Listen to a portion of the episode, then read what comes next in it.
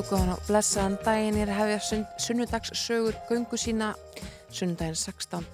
oktober klukkuna vantar einhverjar 20 mínutur, 19 mínutur í eitt eins og alla hérna þegar við hefum leika í þessum ágæta þetti uh, það voru að klárast hátegisrættir þar sem að farið rækilega yfir veðrið en það er bara bíliti kallt í dag og það er kvast líka hér á, uh, ég er bara í raun og verum landa allt, mér finnst alltaf að voru kvast um leiður árið því svona 8 metrar á sekundi þá eiginlega þá er ég farin að kvarta, ég er ekki mér yfir á rókinu en um, ég ætla aðeins að skoða þetta betur ég sé hérna í hádeginu Íslandskortið.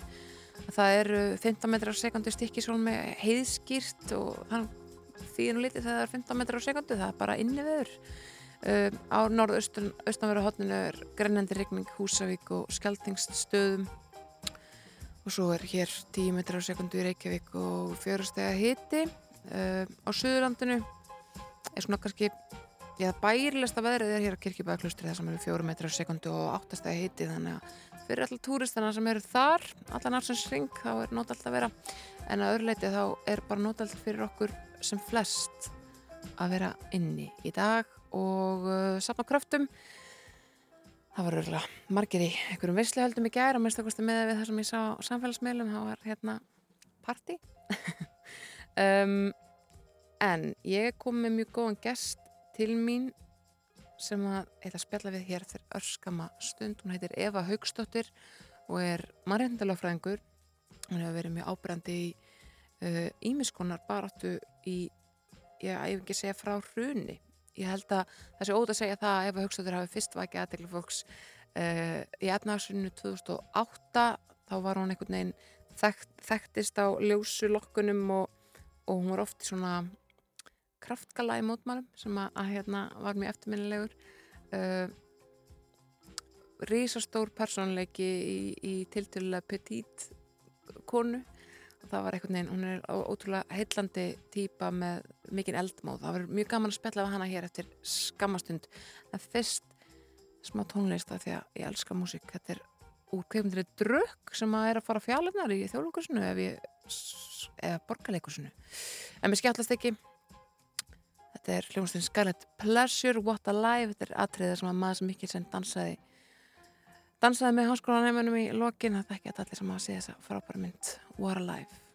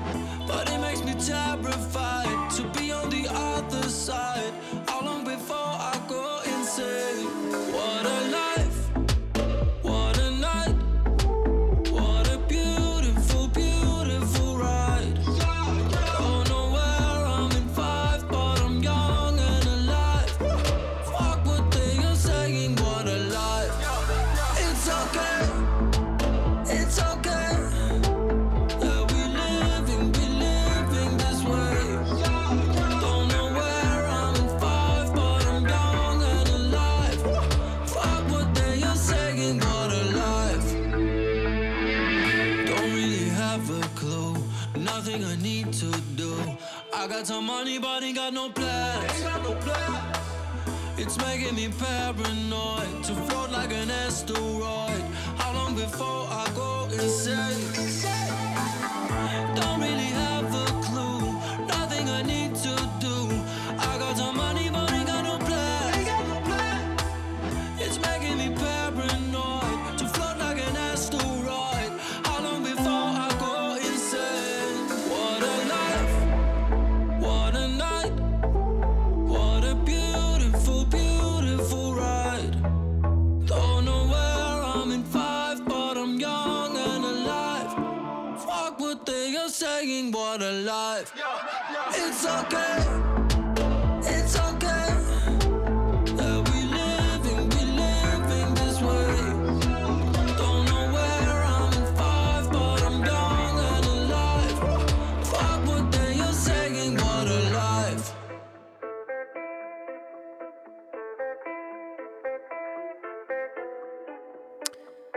Kvílíkt líf, þetta er Scarlet Pleasure úr kveikmyndinni Drökk en eins og ég sagði hér áðan þá er komin til minni í sundarsögur ansið góður gestur Eva Haugstóttir mannreitnda lögfræðingur og bara hún á, ég held sér ótt að segja hún eigi nýju líf uh, Verður velkomin Eva Takk.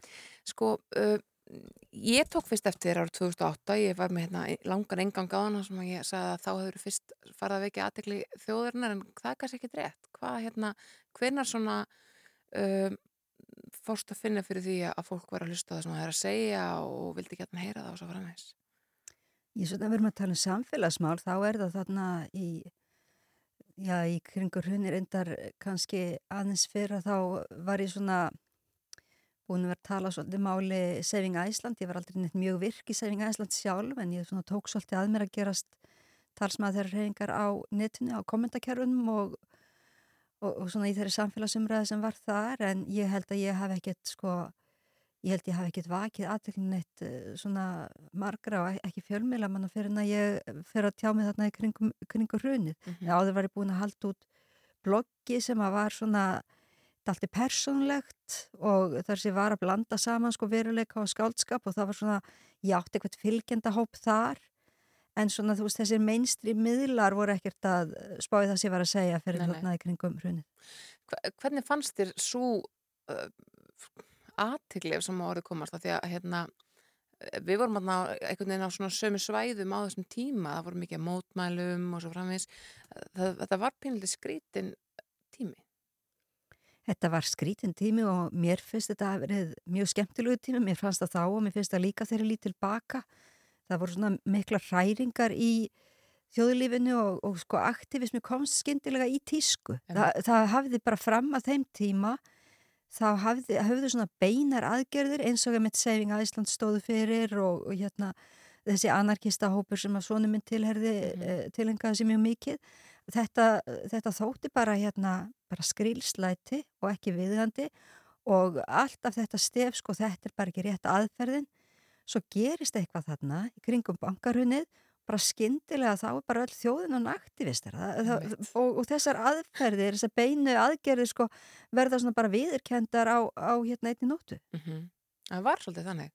Maður sá þetta, ég minna, eins og í saving, að þú tala um Saving Iceland, það væri gaman að spilla eins um það. Um, að þar var verið að standa fyrir vinnuvélum og káranhjúkum og, og jafnvel sko hvað hlekka sér við vinnuvélar og svo frá þess Já, já, klifur upp í krana og svona ímislegt til þess að, til þess að trubla þessi störf sko. Þá er hugmyndin svo að, að hérna náttúrulega bæða vekja aðtegli á því hvað er að gerast þarna og líka að svolítið að sko að valda hérna þeim sem að eru sko framlegendun eða fyrirtækjum þeim sem eru í raunin standa fyrir þessu náttúruspjöldum að valda þeim óþægindum og, og jafnvel einhverju minni hægt á tjóni. E, það er svona hluti af hérna já, þessari e, þessari pólitík sem að hérna uh, rótaklingar, kannski ekki síst anarkistar trúa á, það er að, að hérna vaða beint í, í hérna skadvaldin sko mm -hmm. Emmitt já, tala um svona minni átt og tjón óþægindi en sko það sem að, að maður finnur þegar maður tala um fólk sem er ekki í þarna mm. og trúir ekki sérstaklega mikið á beinar aðgerðir það, það er einmitt þessi vantrú að þetta muni aldrei virka þetta skilingum árangri af hverju reyna, skiljur mig en og, og maður veldi fyrir sér eins og þarna uh, á þessum tímapunktu þegar þeir eru að bæra þess gegn kárnökuvirkun var ekki einhvern veginn var engin meðutundum að líklega myndi samt bara stórfyrirtækið hafa betur? Jú, jú, jú, algjörlega og hérna ég held að þeir sem að standa fyrir og taka þátt í beinum aðgerðum gegn stórfyrirtækjum, gegn hernaði mm. bara jáfnvel gegn ríkisvaldi og eins og gerist þarna í rauninu sko bara hreinlega gegn uh, stjórnskipilan gegn alþengi, gegn bankasíslinn, öllu þessu sko. einmitt. Ég held að flestir þeirra sem að, að hérna, taka sér saman í smáum hópum og fara út í einhverja beinar aðgerð þeir gerir sér algjörlega grein fyrir því að, að ein aðgerð, einn hópur er, er ekki að fara að breyta nefnum gang sögunar. Mhm. Hins vegar, sko, góði hluti gerast náttúrulega hægt og, og hérna og það er, það, það þarf hérna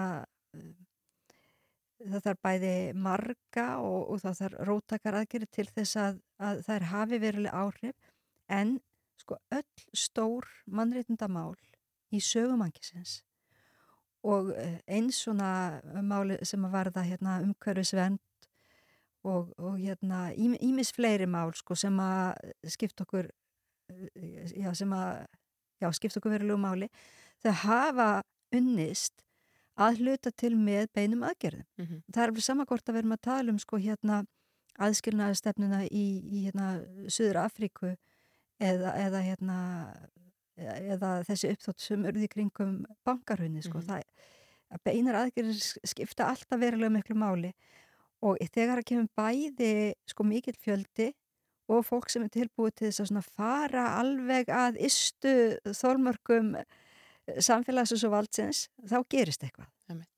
Sko núna eru pínlítið uh, kárningaverkinu hérna í kringum 2003 en það er að verða 20 ár síðan að, að þetta var allt að gerast sem er ótrúlegt, það er ótrúlegt hvað tíminn líður en, en núna er svona sami tótt komin aftur þar að segja það er þetta orkukrísa í Evrópu, það er stendur, fram með fyrir hérna, orkuskiptum í bílaflótanum og svo framvegs mm. forsvar sem er landsverkinu er að tala um það að það þurfa stóru eitthvað orkuverðnislu og virkja miklu, miklu meira. Hvernig horfður það við þér? Hvernig, minna, heldur, heldur þú að samfélagið dag eigi öflugan hóp aktivistar sem að væru til að vera upp á hálandi og gera það sem segjum ætlum gerði fyrir 20 ára síðan?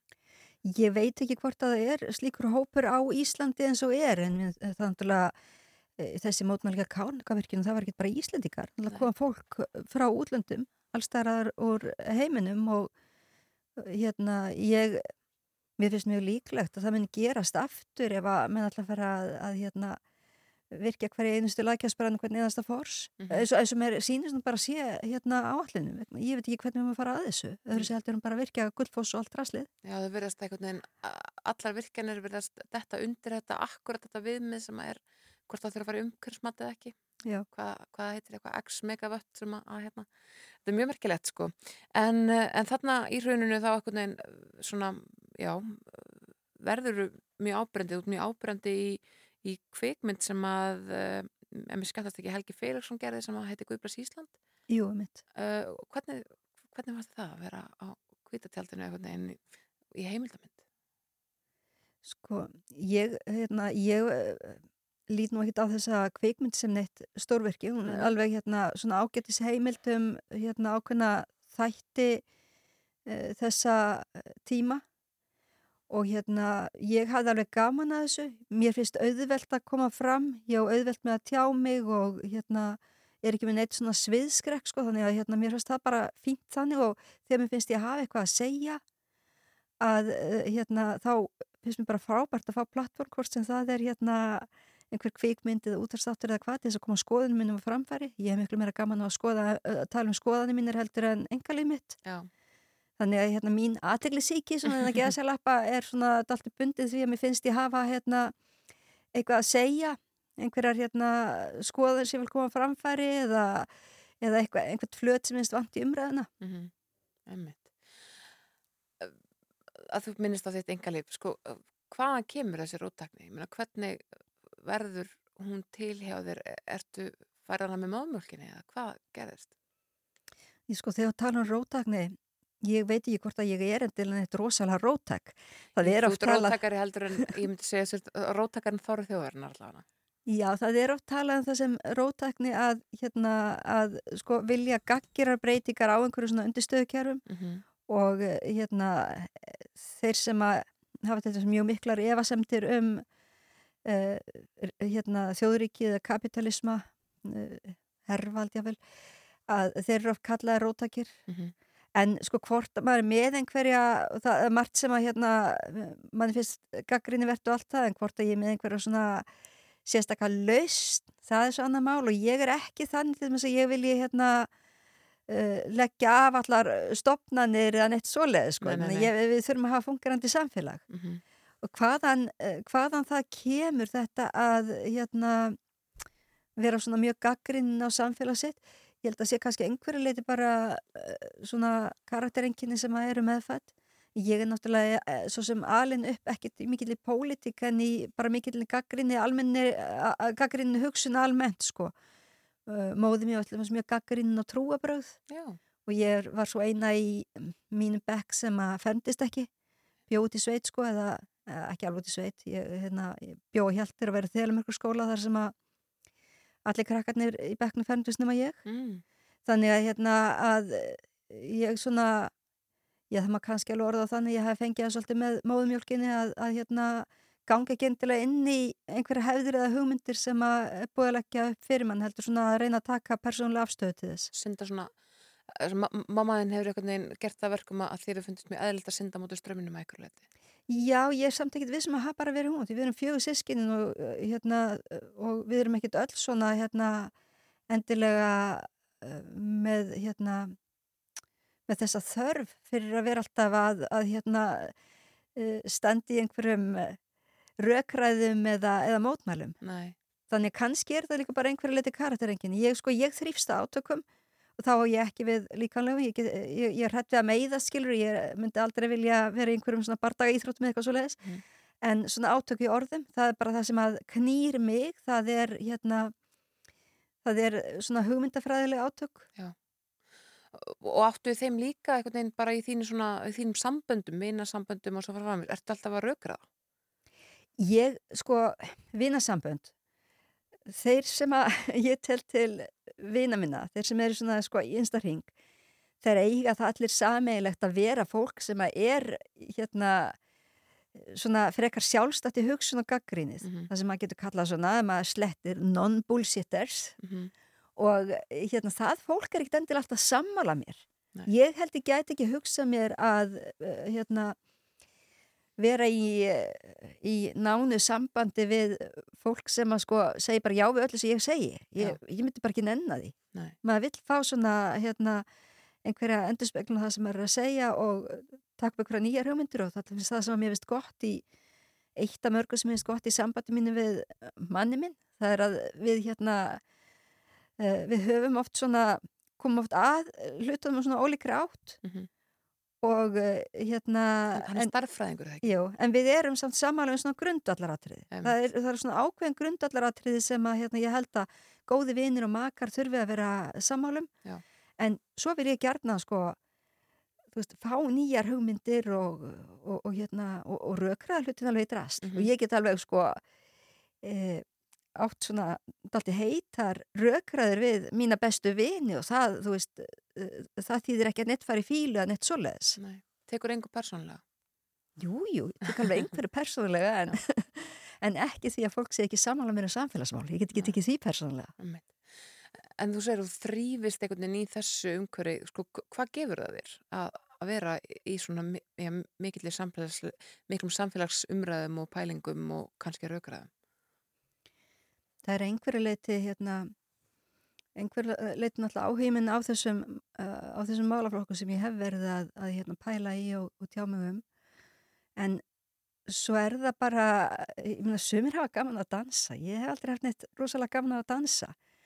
En ég hef bara gaman af því að, hérna, að greina, hérna, greina svona, um, hvað er, hvað er að gerast í umræðinni, Mhm. skoða gögn, ég er rosalega gaman á að skoða hérna, rannsóknir á ymsum sviðum, ymsum svona félagsfræðilegum, ymsum sviðum félagsfræðinar og sálfræðinar og draga einhverjar álíktanir af því, sko, þetta er bara eitthvað sem mér finnst skemmtilegt og svo að hérna að reyna að sannfæra fólkum hérna það sem, að það er niðurstöðu sem hefur komið stað, það finnst mér opaslega skemmtilegt Mm -hmm.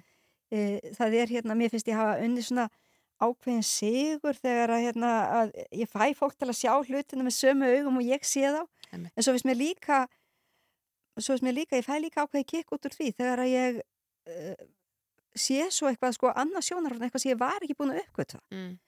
og hérna þá getur maður kannski tekist á um það í, í hérna, tölverðum hitt þetta allar stund og svo kemst maður svona kannski að einhverju aðeins annar niðurstu heldur maður að það komist áður og þetta er bara eitthvað sem ég finnst mér finnst ég vel lifandi þegar ég Mhm. tek þátt í einhverju svona Já.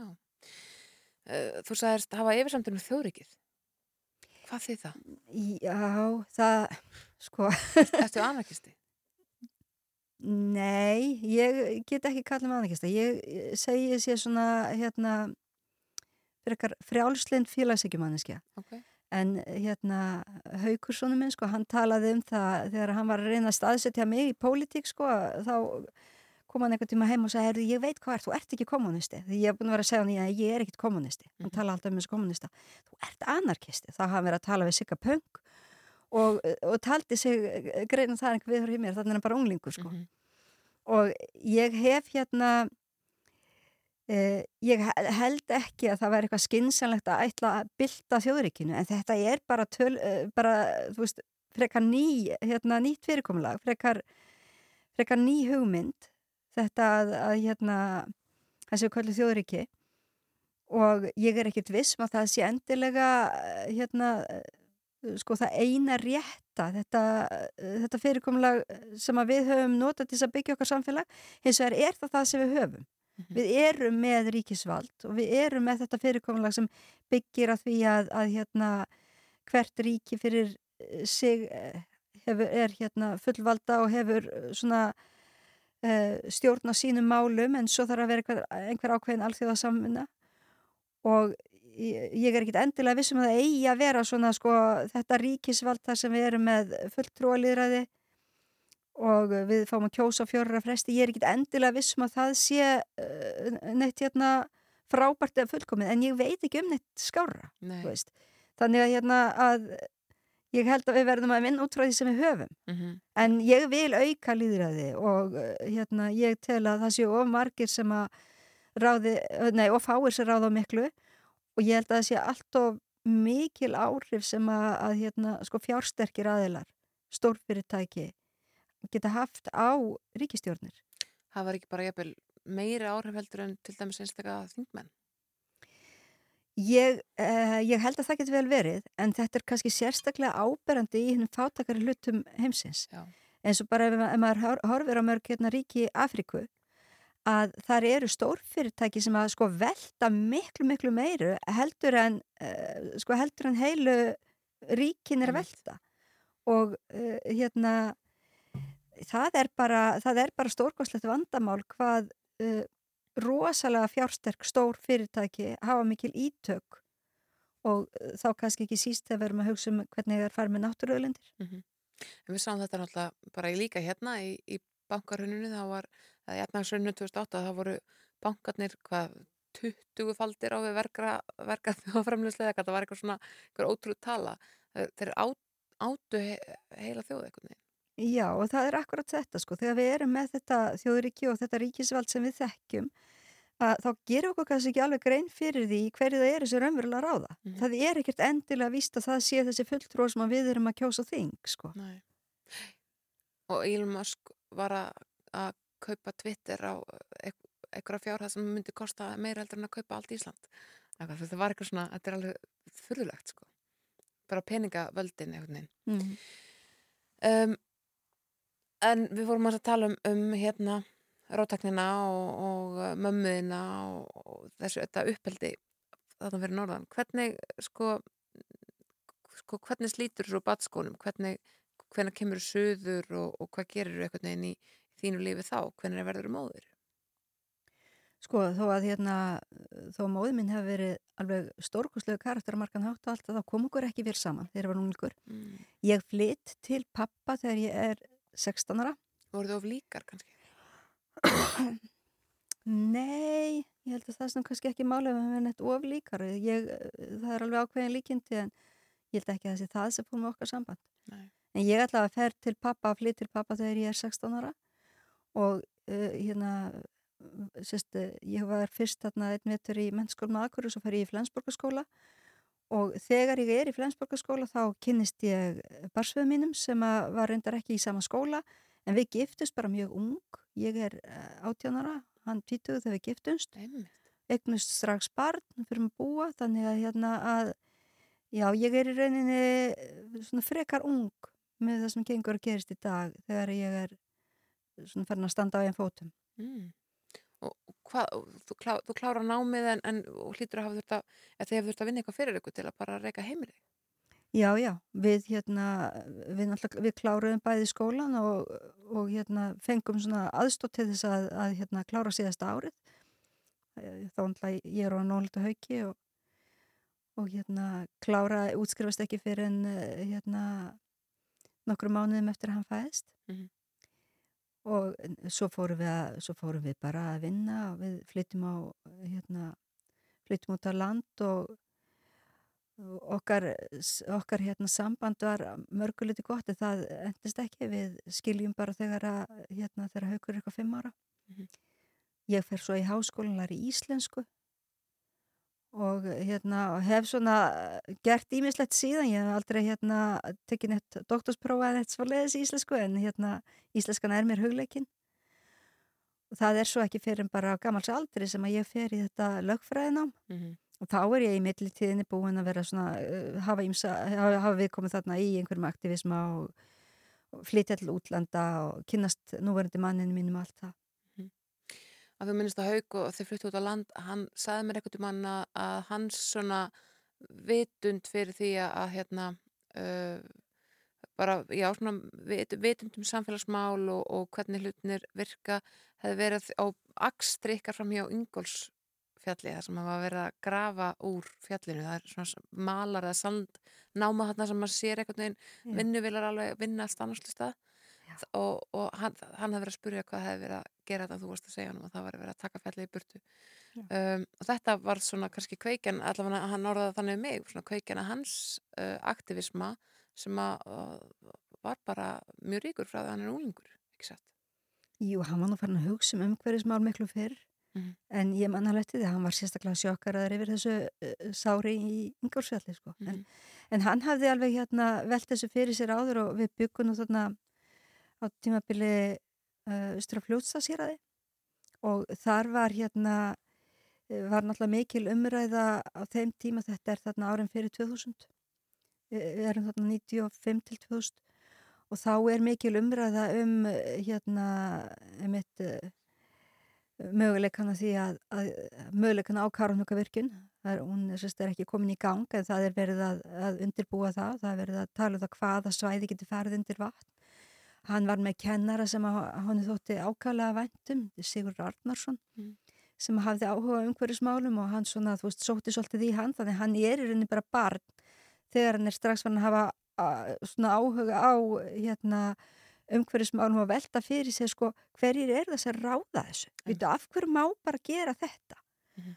og það var, hann var náttúrulega þú veist, það var rosalega gaman að tala við hann alveg frá því að hann var krakki að ræða svona hluti við hann sko, þannig að hann er eh, ég, get ekki sagt að hann hafi sko haft þetta þennan áhuga umhverjusmálum frá mér en, en hann nærir hann heima veist, með, með því að eh, spjallum þetta og og spurja alla sem að koma í heimsókn og kennarana sína og alla í kringu sig sko hvað þeim finnst um þetta. mm -hmm.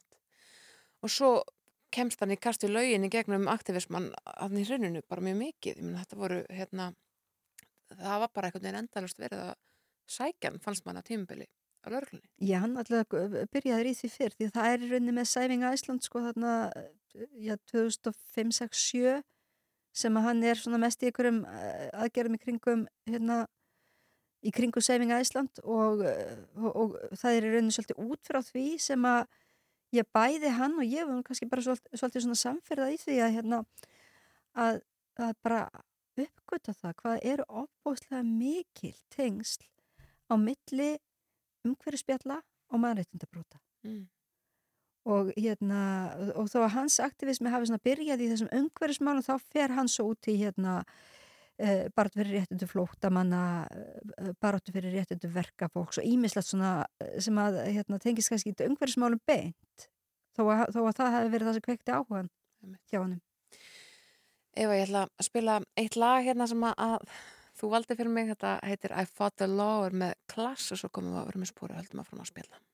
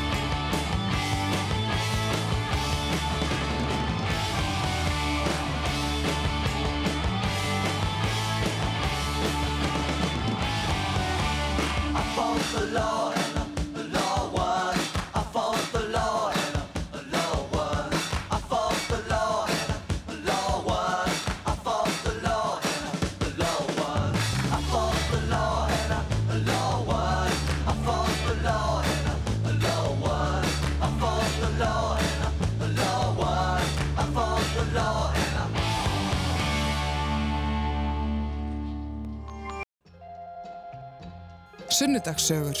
Alla sunnudaga strax eftir hátegisfrettir. Já, já, hátegisfrettir eru lungu liðnar. Hér seti ég Snæra og Sindardóttir með góðum gesti Efu Haugstóttur, mannreitnda lögfræðingi og uh, rótæklingi, þó hún vilja kannski ekki endilega gangast við þeim tilli sjálf.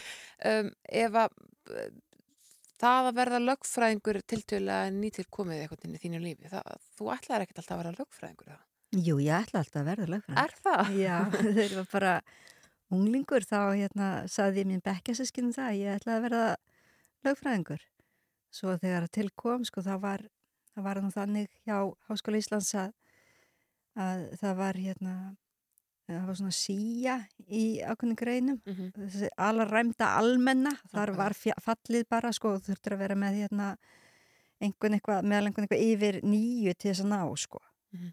og ég hérna ég var unga einsta móð með tvö litli börn þegar ég fór í, ór, fór í nám og ég eh, þurfti náttúrulega að taka námslán fá ábyrðamann og taka lán hjá banka til þess að eh, eins og það var þá allavega sko til þess að hérna dekka fyrstönnina Mhm. ég hafði reynlega gefnaði falla Nei. ég vissi að þetta er því hérna bara of tæfti þess að það var eitthvað sniðut og þarna lendi ég reynni fyrsta sinni því á minni æfi að hérna að bara finna það á eigin skinni að uh, þó að við séum að reyna að búa til samfélag sem að allir eigi að hafa jöfn tækifæri þá er það ekki alveg svo leiðis það var allavega ekki þá í, í samvætt við náma vegna þess að þeir sem að gátu gert þetta að fara í fög þar sem var svona óbáslega mikið fall. Það voru náttúrulega þeir sem höfðu örugar, örugar framfæslu þurftu ekki að taka námslan eða höfðu fóreldrar sem að gáttu hjálpa þeim. En ég fór í íslensku og ég hef aldrei séð eftir því. Mér fannst það alveg ofsalega skemmtilegu tími. En svo er það ekki fyrir bara hérna löngu, löngu síðar, það er bara 2013 þá er hérna, ég hef alltaf haft áhuga lögum sko, þá er dómari sem verður að tala það við mig sko, af hverju ég hafi ekki lært lögfræði og ég er náttúrulega að segja um þetta, hann sé, af hverju gera það ekki bara núna Mm og ég, já það er náttúrulega orðið á seint og nei, það var ekki orðið á seint Nei. þannig að ég bara tók hann á orðinu víst að dómari taldi að ég hefði eitthvað eitt að gera þá gæti það vel verið og Hvað er þetta gömul þá? 2013? hefur nokkuð verið að tala um það Mm. ég fætt 67 Já, ég kann ekki reikna svona, en kannski eitthvað snögg, sneggur en ég. Uh, Emmitt, þú varst allavega vel fullorðinn og, og, hérna, og strákundin er á þeim stórir. Uh, þannig að, já, þið fannst þú hafa efnaði að, að taka hvað? ég, ég þurfti ekki að taka neitt síðanst þá sko. ég, hérna, ég þurfti ekki að taka námslán til þess að, að fara í lögfræði orðin þetta gömul ég þá farin að búa með manni sem að sá bara fyrir mér bara feðraveldi komið að sjá fyrir mér sko en ég er bara mjög þakklátt fyrir að hafa fengið það tækifæri og, og hérna mér finnst það ofsalega skemmtilegt að vinna við þetta í dag Mm. Þú klárar þá vantalega uh, BA og Master hjá Háskóla Íslands eða eitthvað? Nei, ég, ég hérna tók, ég var nú reyndar tók mikið þessu utaskóla Já. og sem ég kannski ekki mæli ekkit endilega með, ég bjó í Glasgow og vilt nú ekki vera svona langtími frá mannu mínum þannig ég var eh, ég var að taka þetta, byrjastu að taka þetta utaskóla og Texas B-próf frá Háskóla Íslands og svo fór ég í hérna mastersnám LLM-nám í, í Glasgow í Mhm. hérna mannrættalofræði Einmitt. Og láð það alltaf fyrir að það væri mannréttindalögfræðin sem að, að heitlaði þig. Já, Þú ætlar ekki að vera skattalögfræðingur. Nei, en samt sko það, eh, það sem komi kannski mest á óvart í þessu námi í Mm. Ég var búin að ímynda með til þess að fjármunnaréttur væri svo hundleiðilegur kröfuréttur, eitthvað eitthvað skuldabrif en svo fannst mér þetta bara allt saman alveg ofsalega skemmtilegt. Mm. ég hef aldrei lært skattarétt sérstaklega sko. Hérna, ég myndi ekki taka að mér einhver einhver flókin hérna, skattamál fyrir stórfyrirtæki eða eitthvað þannig, ég get alveg svona hjálpað einstaklingu sem eru bara með eitthvað einfalt. En hérna en þetta, þessi svið þau eru bara öll skemmtileg. Mm. Alltaf nefnir hefur áhuga á þeim. Og hvað ert að gera í lögfræðinu? Hvað er svona, hver eru þín helstu verkefni daglega? og ég er núna í sjálfstæðanrekstri reyk bara mína litlu lögmanstofu Mm og uh, ég er bara að fá alls konar mál, ég er bara mjög þakklátt fyrir hvað ég hef fengið hérna svona fjölbreytt verkefni og uh, sko það sem að hefur kannski mest verið leita til, til minn með það eru uh, mál sem verða það er svona stjórnsýslumál uh, fólk sem uh, er í einhverju vandræðega hvart uh, sveitafélaginu sínu eða tryggingastofnun eða einhverju slíku Mhm. og svo fjölskyldumál hérna erðamál og, og, og, og svona hjónaskilnaðir og forsjármál og allt slíkt sko, ég eh, hérna hef fengið bara töluvert mörg slík mál en það er ekki það sem mér finnst skemmtilega sko, það sem mér finnst skemmtilegast mér finnst það reyndir allt alveg áhugavert sko, en það sem mér finnst skemmtilegast það eru mál sem er nú kannski ekki endilega hægt að hafa neitt eh, mikið upp úr og, og, eh, fara ekki endilega fyrir dómu, það eru svona mál á stjórnstjóðstíði ég er með eitt mjög skemmtilegt núna þar sem að hérna uh, sem að snýstu það hvernig maður meir ytta nafnið sitt. Og stendur í, í hérna stappi við þjóðskrá og mannafnanemnd og mér finnst þetta ósala skemmtilegt. Þarna er maður með sko gagnaðila sem að er ekki í nefni viðkvæmri stöð, þetta er eitthvað svona stjórnvöld sem að ég þarf ekki að hafa áhyggjur af að særa eða fara illa með, mér finnst það eiginlega skemmtilegast. Já. Mér finnst það erfitt eins með hérna forsjamálinn mér finnst, mér finnst þau sko svona tilfinningarlega erfið vegna þess að þarna eru lítil börn sem að eh, verða kannski bytt með fóreldra sinna og eh, þó maður sé standi með sínum umbjónda alltaf þá sér maður kannski líka alveg hina hliðin og það er kannski einhver pappa eða mamma sem er í erfiðri stöðu Já. þannig að mér finnst þau mál oft svona tilfinningarlega erfið en það sem að mér finnst bara skemmtilegt það eru þessi mál þar sem að, maður bara pöngast á okkur stjórnvöldum Einmitt. En sko svona, bara svona kerfis, kerfinu og, og, og svona kerfislægum hérna mm, brotum sem hlýtur að að verða svolítið svona vörfið í þessu starfi. Hvar eru brotalamennar? það er, það er kannski svona nokkur atriði sem að mér finnst að væri hægt að laga tölvöld mikið til í án þess að það myndi hérna þurfa að bylta neinu. Mhm. Það er sko málsmeðferða tími bæði hjá stjórnvöldum og hjá dómstólum er óhóflegur. Já. Það að, að fá hérna afhend einhver gögg sem fólk á fullan rétt á, bara svona gögn eins og sjúkraskrá eða, eða eitthvað annað sem að hérna, stjórnvöld þurfa að afhenda, það getur tekið sko margar vikur og uh, þetta er eitthvað sem á ekki að á ekki þurfa að vera einn mála afgreða Nei. og það að fá stjórn til að svara erindum uh, hérna maður sendir einhverja bótakröfu til dæmis og uh, þú veist það lí, líða bara margi margi mánuðir eða maður sendir erindi til hérna einhverjar úrskurra nefnda kærir einhverja ákvörðu sem hefur verið tekin og, og svo bara líða fimm mánuðir og maður er ekki búin að heyra neitt þó maður sé alltaf að vera eitthvað eftir því. Þetta er rosalega stórt vandamál og verður til þess að fólk gefst undum upp. Mhm. en svo er hérna svo er annað sem að mér finnst vera uh, sko mjög stórt vandamál og stærri vandamál heldur ég gerði mig grein fyrir og það er sko kostnæðurinn sem fólk lendir í eða þarf að, að hérna, höfða dómsmáli eða verja sig fyrir rétti. Mm. Þetta er alveg óheyrilegu kostnæður og uh, það er sko ópefur réttarástof er til, það er til eitthvað sem heitir gjafsókn og gjafvörn en það er bara þegar þú ert komin í hérna í dómsmál ef þú þarft aðstóð lögmanns við að sækja réttingakart á, á stjórnsýslustígi þá verður bara að standa ströym á þeim kostnaði sjálf Mm -hmm.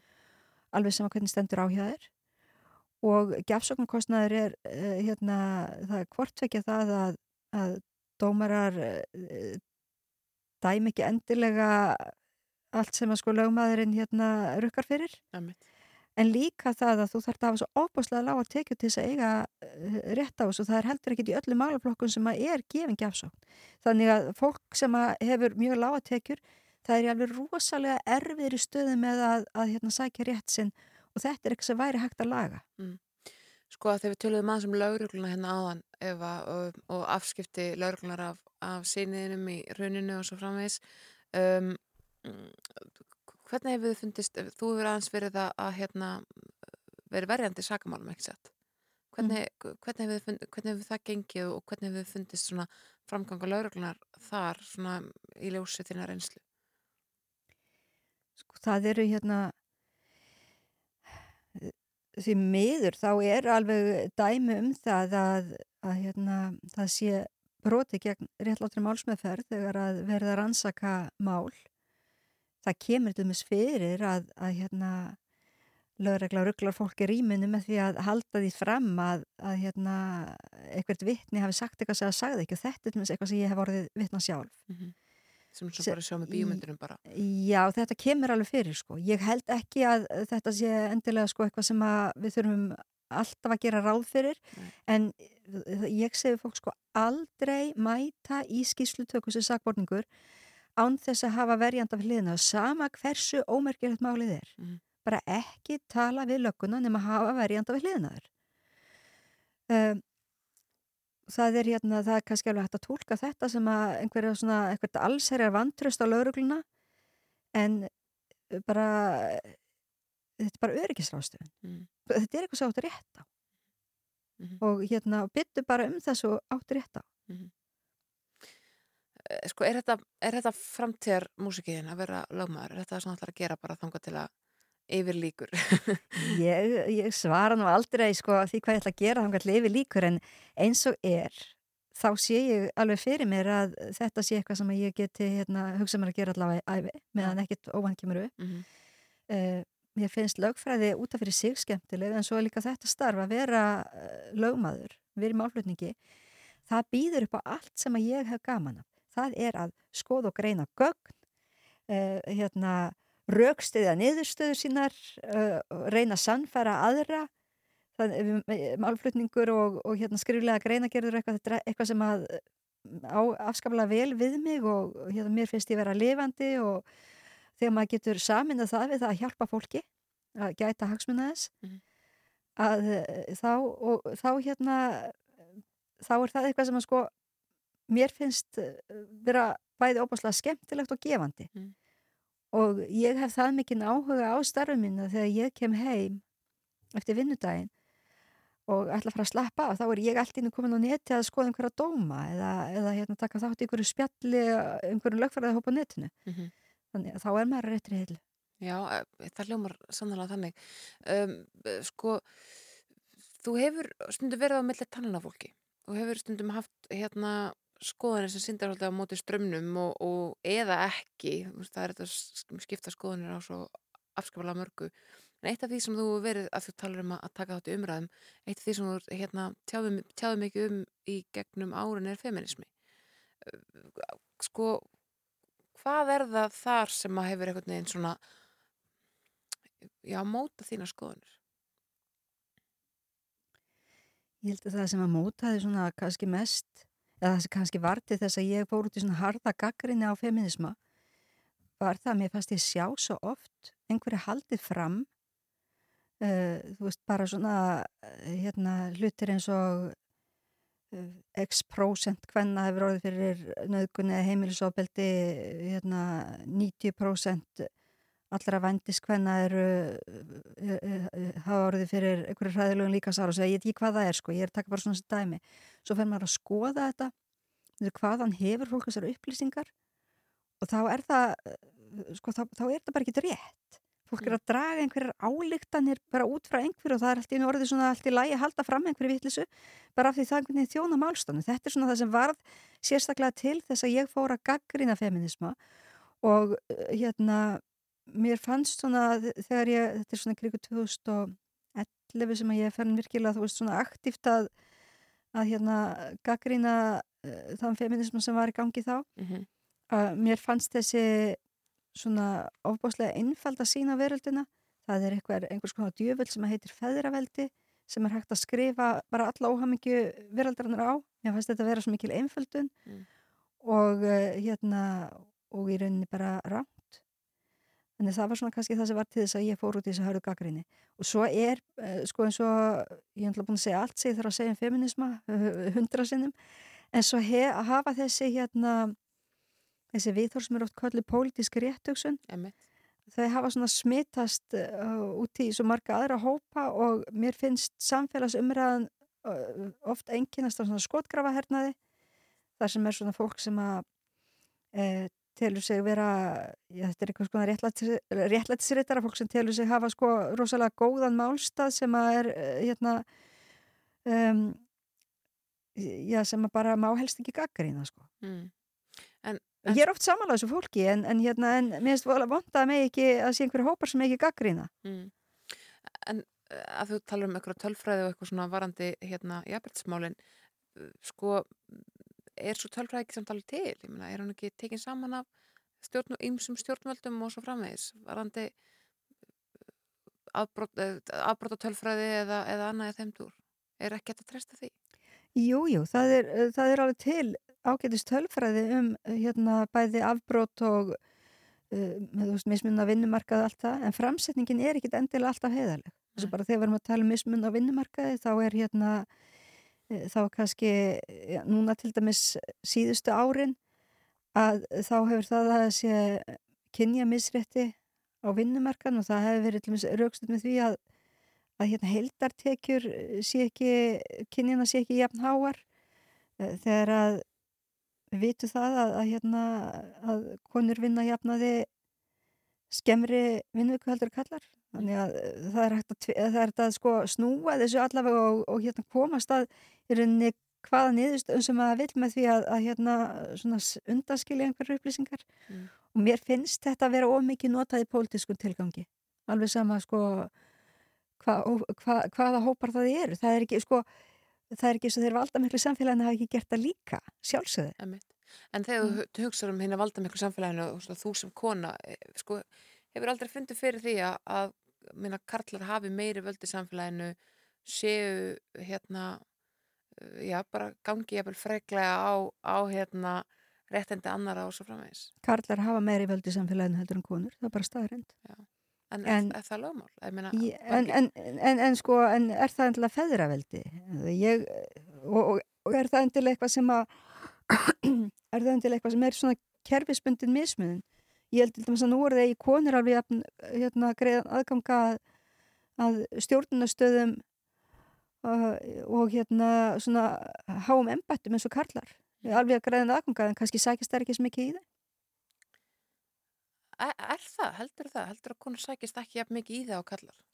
Og, og af hverju er það? Ég meina, hafa kallar kannski ekki bara eitthvað svona óbyrjandi trú á sjálfum sér sem er langt umfram getu og Ég get ekki séð það, mér finnst bara mjög margi kallmenn vera hérna ég, ég held ekki að ekki það sé sko að það sé eitthvað sem maður getur gert ráð fyrir almennt með kallmenn ég held að það sé kannski sterkari tilnefing svona kannski fleiri kallmenn sem að, að þeir bara eru með meira testosterón, ég held að það sé kannski fleiri kallmenn sem að sækjast eftir einhverju slíku. Mm. en svo erum við bara líka með með hérna sko hinaliðna það eru eh, meirluti þeirra sem er í mjög vondum álum eru kallmenn meirluti þeirra sem er í fangir sem að heimilislausi eru mikill neyslu og með allt niður um sig. Gjaldfróta allt það eru kallmenn þannig ég er ekki vissum að það sé eitthvað svona svart og hvita að hérna kallmenn sjálf það er að stjórna konum og, og konur er svo fóðilega bátt hreint ekki. Nei. En hver er þessi ástæðan, bak, á, sko, ástæðan fyrir því að, að þeir ég hafa það að sumuleiti verð og, og mörguleiti betra Ég held að það sé engin einföld skýring á þessu sko. Ég, hérna, ég held að þetta sé miklu, miklu flóknara heldur en svo að það sé eitthvað, s- þetta sé eitthvað samfélagslegt. Ég held að það sé, þetta sé kannski einhverju leiti líffræðilega þetta líka sem að uh, sko búið að tilhengu. Mhm. Það er auðvitað ekki hægt að, hægt að hérna, hægt að segja sko konur eru svona, kallar eru svona en, en ég held að sé ákveðna tilhenga sem eru sterkari hjá köllum en konum Mhm. og En pólitísk rétthugsun, þetta, þetta hugtak náttúrulega, hérna, ótrúlega skammar er því í hugum mjög margra bara sjá svart einhvern veginn hvert skipti sem að, að uh, þeir verða varir við pólitíska rétthugsun að einhverju leiti. Sko, má samt ekki segja að án pólitískra rétthugsunar að einhverju leiti, það væri við bara frekar tillitslaus og jáfnvel býrðu lítið anstíkileg hjörð við mannfólkið sko. Ef að væri við ekki svolítið langt frá einmitt bara svona einmitt tillitsemi um, og umburlindi ef ekki væri fyrir pólitísk rétthugsun. Og ég veit ekki alveg, ég, ég er ekki vissum að séu allir saman að hvað er átt við með pólitískri rétthugsun. Þegar Nei. ég tala um pólitískan réttrúnað, þá á ég við það þegar að hérna, þegar tilgangunum hérna helga meðalið, þegar þú ert komin með, þegar þú ert með einhverja svona hugmyndum hvað sé rétt og hvað sé gott og hvað sé réttlátt og hvernig hlutin er að vera. Mm -hmm. Og auðvitað væri við með hræðilegt samfélag, við værum ekki með fólk sem að hefði hérna barist fyrir réttlæti, fyrir mannréttindum og, og, og, og hérna fyrir mannúð og mildi og allt það Nákvæmlega. uh, fyrir réttindum minnilutahópa það væri náttúrulega hræðilegt samfélag ef við hefðum ekki slíka hópa. Mm og, og hérna en, en aftur á móti sko þegar að uh, þegar að fólk er komið út í það að hérna, hérna erum við með einhvern málstað eitthvað sem við trúum á og það má bara ekkert annað viðhor komast að þá eru, og það má ekki gaggrina þá erum við komin út í pólitíska réttrúnað. Og við getum bara tekið dæmi sko nú stiði ég málstað palestinum hana Já. Algjörlega sko. Ég, ég tel að hérna Ísraelis er ekki ekki einu sinni rétt á sér. En e, þegar það fer út í það að það megi ekki gaggrina palestinmenn fyrir neitt að það megi bara helst ekki hérna benda á það ef að þar eru framinn einhver mannreitndabróti eða ræðilegi glæpir eða að, mm. að, að þar hef eitthvað hérna farið úrskeiðis þá erum við komin út í þetta sem ég kalla pólitíska réttusun að hérna bara, hérna erum við bara með eitthvað heilagt svið sem má ekki gaggrina Þið finnst bara umræðan á svartkvít. Já, og á mjög mörgu svið Mhm. nú til dæmis hérna er blessunarlega þá hefur hérna já, hvað heitir þetta allt, hinsegin og kynsegin og transfólk og þeir sem svona víkja frá þessum hérna uh, þessum svona uh, hugmyndu sem við höfum um, um hérna tvö kyn, karl og konur að bara þessa fólks hefur verið mjög áberandi undarferið og sem bara fínt, bara mjög gott og allt það sko. En uh, þegar það komið út í það að, að hérna einhver eldri borgari sem að skrifar grein þar sem hann eh, hefur áhyggjur af því að það sé einhver faraldur í gangi með unglingstúlkna að skilgræna sig sem eh, eitthvað annað en stúlkur að, að hérna þá, þá er hann bara uh, kærður fyrir hatursorðað og lögregla fyrir að rannsaka máli mér finnst þetta orðið svolítið hérna svona um, hvað ég segja, já, ansi svartkvít ef það er ekki rými fyrir, fyrir hérna alls konar skoðanir Mm.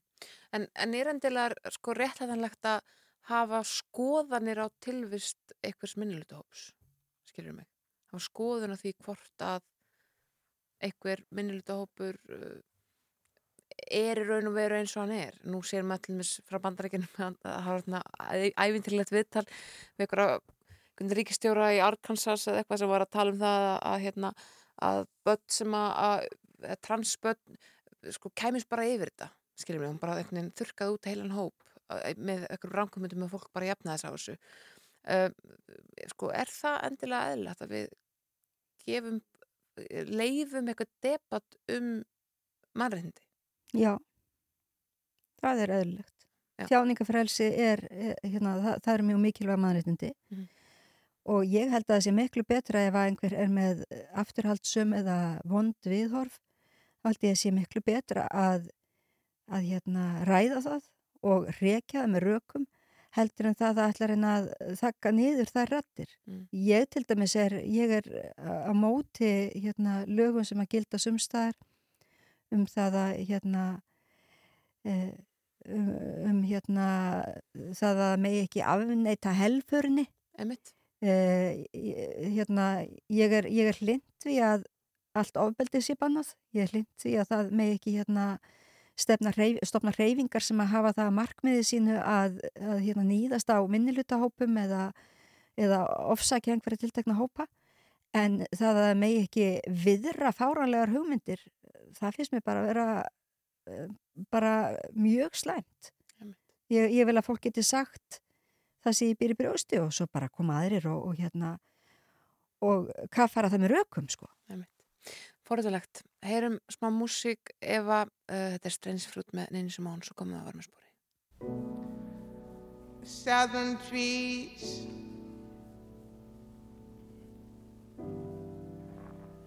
Barren, strange fruit Blood on the leaves and blood at the roots.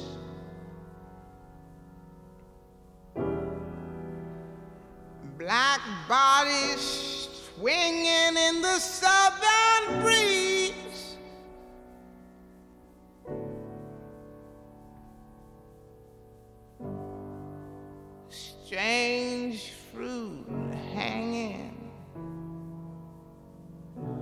The poplar trees.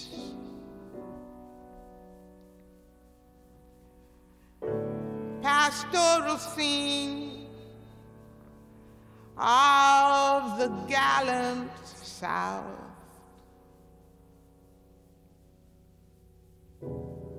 Them big bulging eyes and the twisted mouth.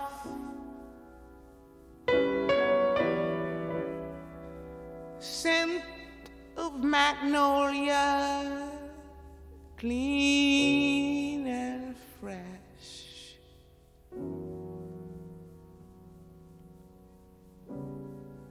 Then the sudden smell of burning flesh. Here is a fruit.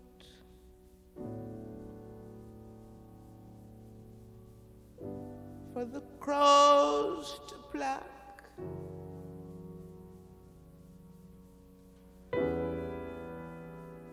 For the rain to gather, for the wind to suck,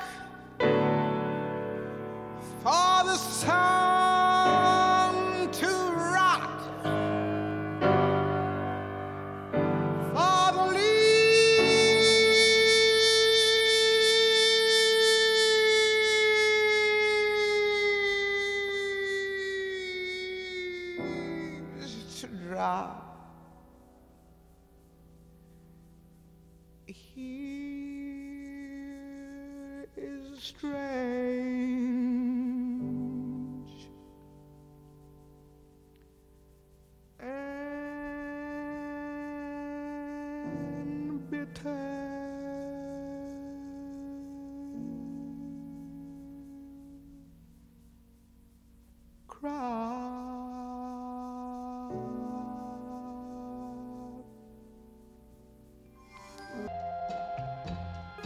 hlusta á Sunnudagssögur. Alla sunnudaga klukkan 12.40 á Rástvö. Emitt og ég heiti Snæra Sindardóttir og er umsjónakonna sunnudagssagna í dag. Það er svona, já, ekki mikið eftir af þættirum í dag en við erum búin að vera hér á miklu spjalli ég og Eva Haugstóttir, mannreitnda lagfræðingur og aktivisti sem er búin að vera hjá mér hérna síðan klukkan 12.40 eftir hátæðisfrættir. Sko Eva, við vorum hér fyrir auðlýsingar, þá vorum við að tala um, um, um sko ofnbæra umræðu og, og málfrælsið og þínar skoðanir. Þú með hérna mjög sterk svona bara prinsip þar kemur að, að þessu sem að ekkert allar eru sammála. Um, þú töluðum fyrir þetta um aðeins um, um beinar aðgerðir og svo framvegis eins og að hérna Seyfinga Æsland stóði tengslu við Kárnökuvirkjun fyrir 20 árum síðan uh, svo því sem að fylgdi í kjölfar hrunsins og svo framvegis við sjáum ekki mikið af beinum aðgerðum í aktivisma í dag. Það er svona svolítið tengt að hérna hælismálunum og svo framvegis en, en þetta er ekki mjög markvist, þetta fyrir aðeins streið úr þessu. Í staðan er fólk komið bara í millumerki á internetun ekki satt? Jú, jú, það er svo aktivismi sem er kannski mest áberandi í dag, það eru þessar milmerkihafriðir og hérna ég hef nú svona gaggrind það að það er beinast ofta að einstaklingum. Mér finnst að við erum að láta rétt að kæra um einstaklinga þegar við erum að berjast fyrir stórum málunum, við erum að berjast eh, hérna gegn eh, hva, hvort það eru stórfyrirtæki náttúruspjöll eða, eða hérna, fyrir einhverjum stórum mannrindamálum Mm. þá veist mér það vera allt, allt annað heldur en að hjóla í einstakling mm. Ertu þá að tala um eitthvað skonar eitthvað skonar útlökunar menningu Já, ég er að tala um það, þessa slaufina menningu og þegar að hérna, þegar að einhver er, ég margir orðað þannig, sé bara tekin að lífi með því að hérna að eh, það er bara svona einhver svarmur af fólki á eh, netinu sem að að, hérna fyrir að segja einhverja sögur sem að eru kannski að einhverju leiti eh, sannar, kannski að einhverju leiti yktar, Mm. mögulega ein og einn sem er bara jáfnvel ósönn. Mér finnst þetta að vera, hérna, mér finnst þetta að vera vond. Mér finnst þetta að vera uh, hérna mér finnst þetta að vera svona meira í ætt við, við hérna ja, þessa ópenbyrju grítingar á miðöldum og þegar að fólk var sett í gapastokk og, og, og svona einhvern veginn bara heikvísla líðurinn kominn og, og sáum að hérna dæma á, dæma á refsa Mm.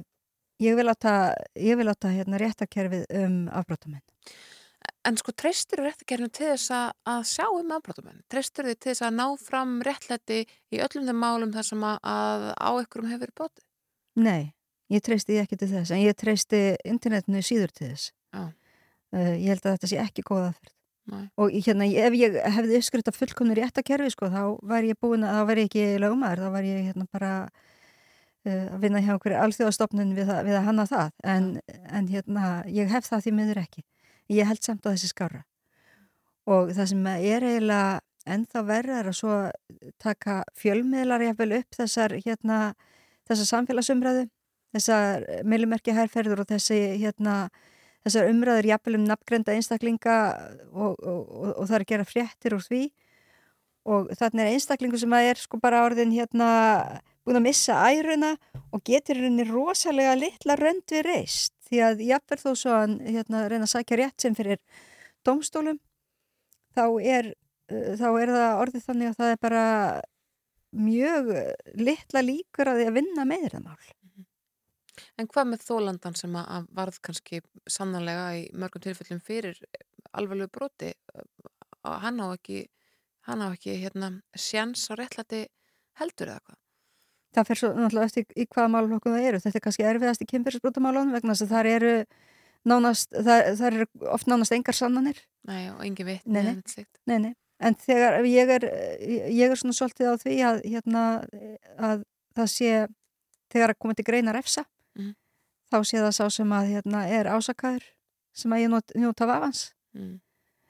Eh, Það er, það vissulega mjög erfitt fyrir brotaþálega kynferðisbrotamálum að, að sækja sér rétt, það hefur samt skánað heilmikið og ég held að sko, það fara að gera það á internetinu, jafnvel kannski tíu árum eftir að mynd brotátt sér stað, mér finnst það bara ekki rétt. Nei. Ég hvet sko til þess konur sem að verða fyrir heimilisofbeldi eða kynferðisofbeldi, ég hvet þar til þess að kæra og gera það strax.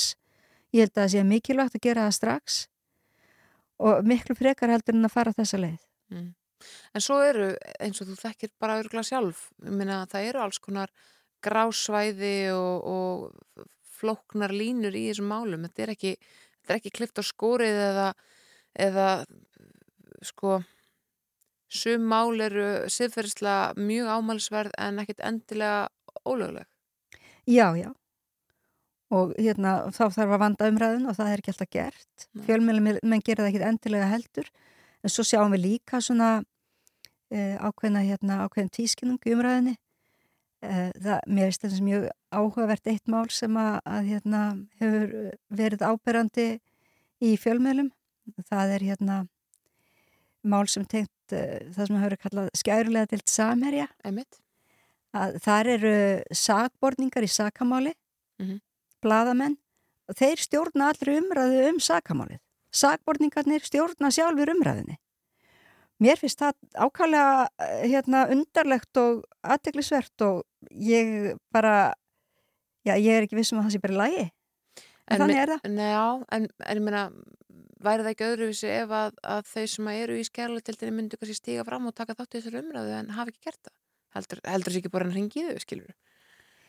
Já, ég er ekki vissum það að hérna, brotaþólar í, í hérna, sakamáli sé endilega sé endilega viðjandi þeir sem taka þátt í umræðu um sakamáli og hvað þá þegar það eru rannsóknastígi. En er, skær, er fólki skærulega til brotaþólar í því máli? Já, í þessu máli, þetta mál sem ég er að tala um að þar er það hérna uh, maður sem að, að sest, kærir, uh, sest, uh, kærir brot, það byrjar með því að hérna, hann telur að hafi verið eitra fyrir sér. Mm -hmm.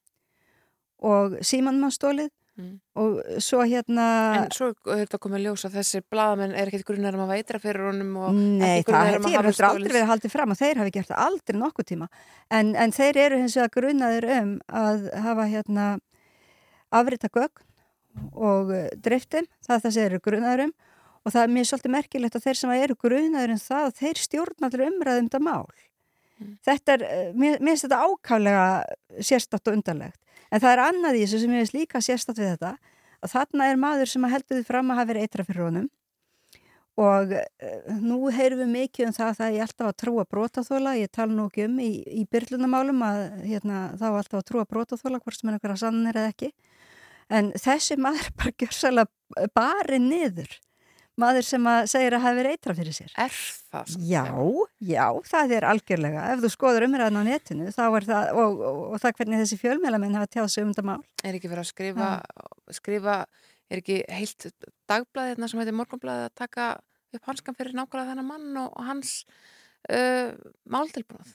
Það sem ég hef séð í uh, fréttum er, er hérna miklu frekar það að, og, og umræðin, sko, samfélagsumræðin er miklu frekar það að, að hérna, uh, þarna sé uh, þarna sé verið að ráðast að blaðamenn. En hefur ekki áhugir á Nei. liðræðinu þarna? Að það sé að blaðamenn séu teknandi sakamála rannsóna fyrir eitthvað sem að er jafnvel bara uh, heimilt samkvæmt lögum að gera, heimilt að nota gögg sem að samankvæmt þau koma til manns og þau eru alls ekki grunuð um að hafa drift uh, neinu nema bara að skrifa fréttir upp úr, úr ákveðnum gögnum sem að þau mátu sem svo verðuðu almenning. Það er ekki rétt að þessi bara grunnum það. Þau eru líka grunnum um að hafa sko afritað hérna, síma í heilagi með öllu sem að á hann er, runni með hérna, runni klónaðan sko og þau eru grunnum um það að hafa dreift gögnu sín á milli sem ég er ekkert vissum að sé endilega hérna eitthvað sem myndi halda fyrir dómi en þetta er það sem er verið að rannsaka Já, Og það er ekki rétt. Það er ekki rétt það- sem, sem kom fram eftir skýrslutökunar að ég er ekki viss um að þetta sé rétt að þetta séu uh, sakarættin það sem kom fram eftir skýrslutökunar var að, að lauruglan var raun og veru bara mjög lítið að rannsaka þetta mál það var ekkert mjög margt í því sem að, að hérna, hafði verið búið að segja að væri í því áður hvað, eins og hvað. Nei, bara eins og þetta með, með afritun og gögnum og svo framvegis Það er það sem er verið að rannsaka. Það er verið að rannsaka dreifingu ekkur efni en, en, Mm. uh, en svo kom bara að ljósa að þau voru ekki sökuð um uh, dreifingu kynferðslega efninu sem var búið að tala um að þau voru sökuð um uh, þau voru fyrst og verðist ja, um að skrifa fréttir sökuð um að Þau skrifa eru, það er ekki sökum að skrifa fréttir. Þau eru, sérst, hérna laga ákvæðin sem að eru þarna undir, það sem er verið að rannsaka. Það eru brot gegn friðhelgi engalífs. Það er ekki, það er ekki verið að rannsaka fréttaskrift. En Það getur vel verið að ég hafi fengið einhver óviðegandi spurningar hjá lögreglu. Ég skal alveg trúa lögreglu til þess. en blaðamenn eru, En- með, eru með ákveðin sko, ákveðin friðhelgi í þessum lögum það, nei, Út það er ekki... Jú, þau eru með ákveðna friðhelgi til þess að- meta almannahagsmunni það kemur að umfjöllunum og blaðamenn mega taka við gögnum mega fá gögn með alls konar hætti jafnvel gögn sem hafa verið fengið með ólögum hætti og það mega vinna upp úr því efni það er, þannig virka lögin. Það, það er sérst ákveði sem að, ver, verðar þennan rétt blaðamanna.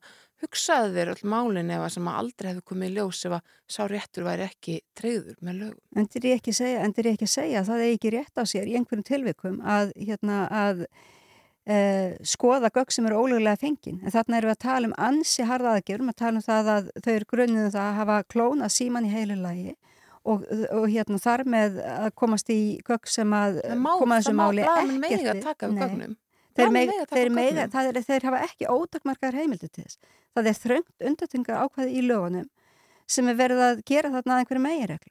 Og ég er bara, ég er ekki samála þeirri tólkun, en hins vegar þá er þetta ekki komið fyrir dóm og það er ekki víst þetta farið nokkuð tíma fyrir dóm, þannig að ég ætla ekki að leggja ne- neitt endalegt mat á það. En þessi rétt sem að kærð sjálfir- til að, fyrir að taka síman ég held að Nei, ég, það sé rámt bara bókstæla bara, ég er hérna að fakttjekka Já. hlutina, ég er nokkuð vissum að þetta sé rámt að þau séu uh, grunuð um, um það sko. það þau, bara kemur fram hvaða ákvæði hegningalada er sem þau eru, sem að þau eru hérna, sem, sem þau eru hafa heimildir að taka við, taka við gögnum það er alveg óumdeilanlegt Nei, það að- er ekkit óumdililegt að það hafa endalisar heimildi til þess. Það ekki, nei, nei, það er ekki óumdililegt, alls ekki. en blaðmennum berast auðvitað gögn á hverjum einst degi sem þau meta sem svo að séu eiginlega ekki við uh, almenning, skilur mig og það, Já, það já. getur ekki verið ólegt fyrir þeim að taka við þeim gögnum.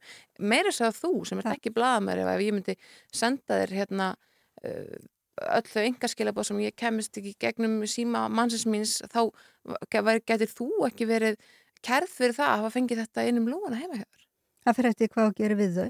Sko við getum snúið þessu, við skulum, ef við getum tekið dæmi, sko, til dæmis ef að, hérna, eh, Pétur á útarpi sögu hefði afrita hérna, símaninu Þórhildar sunnu í heilu lægi og þar með enga skilabóð, hvað er þið sagt? Ég meina, það fer eftir hvað hann gerir við þau. En, hann, en þau eru ekki grunnið með að afrita. Akkur segir það? Af, það er bara með þar upplýsingar sem hafa komið fram. Þau eru grunnið með að taka við gögnum, skilur mig. Það er ekki, þú veist, þetta er, þetta er mjög flókið mál, en Eva, En þarna við er það hefðum kannski að byrja sem að ræða þetta fyrr af því að tíminn er runnin frá okkur.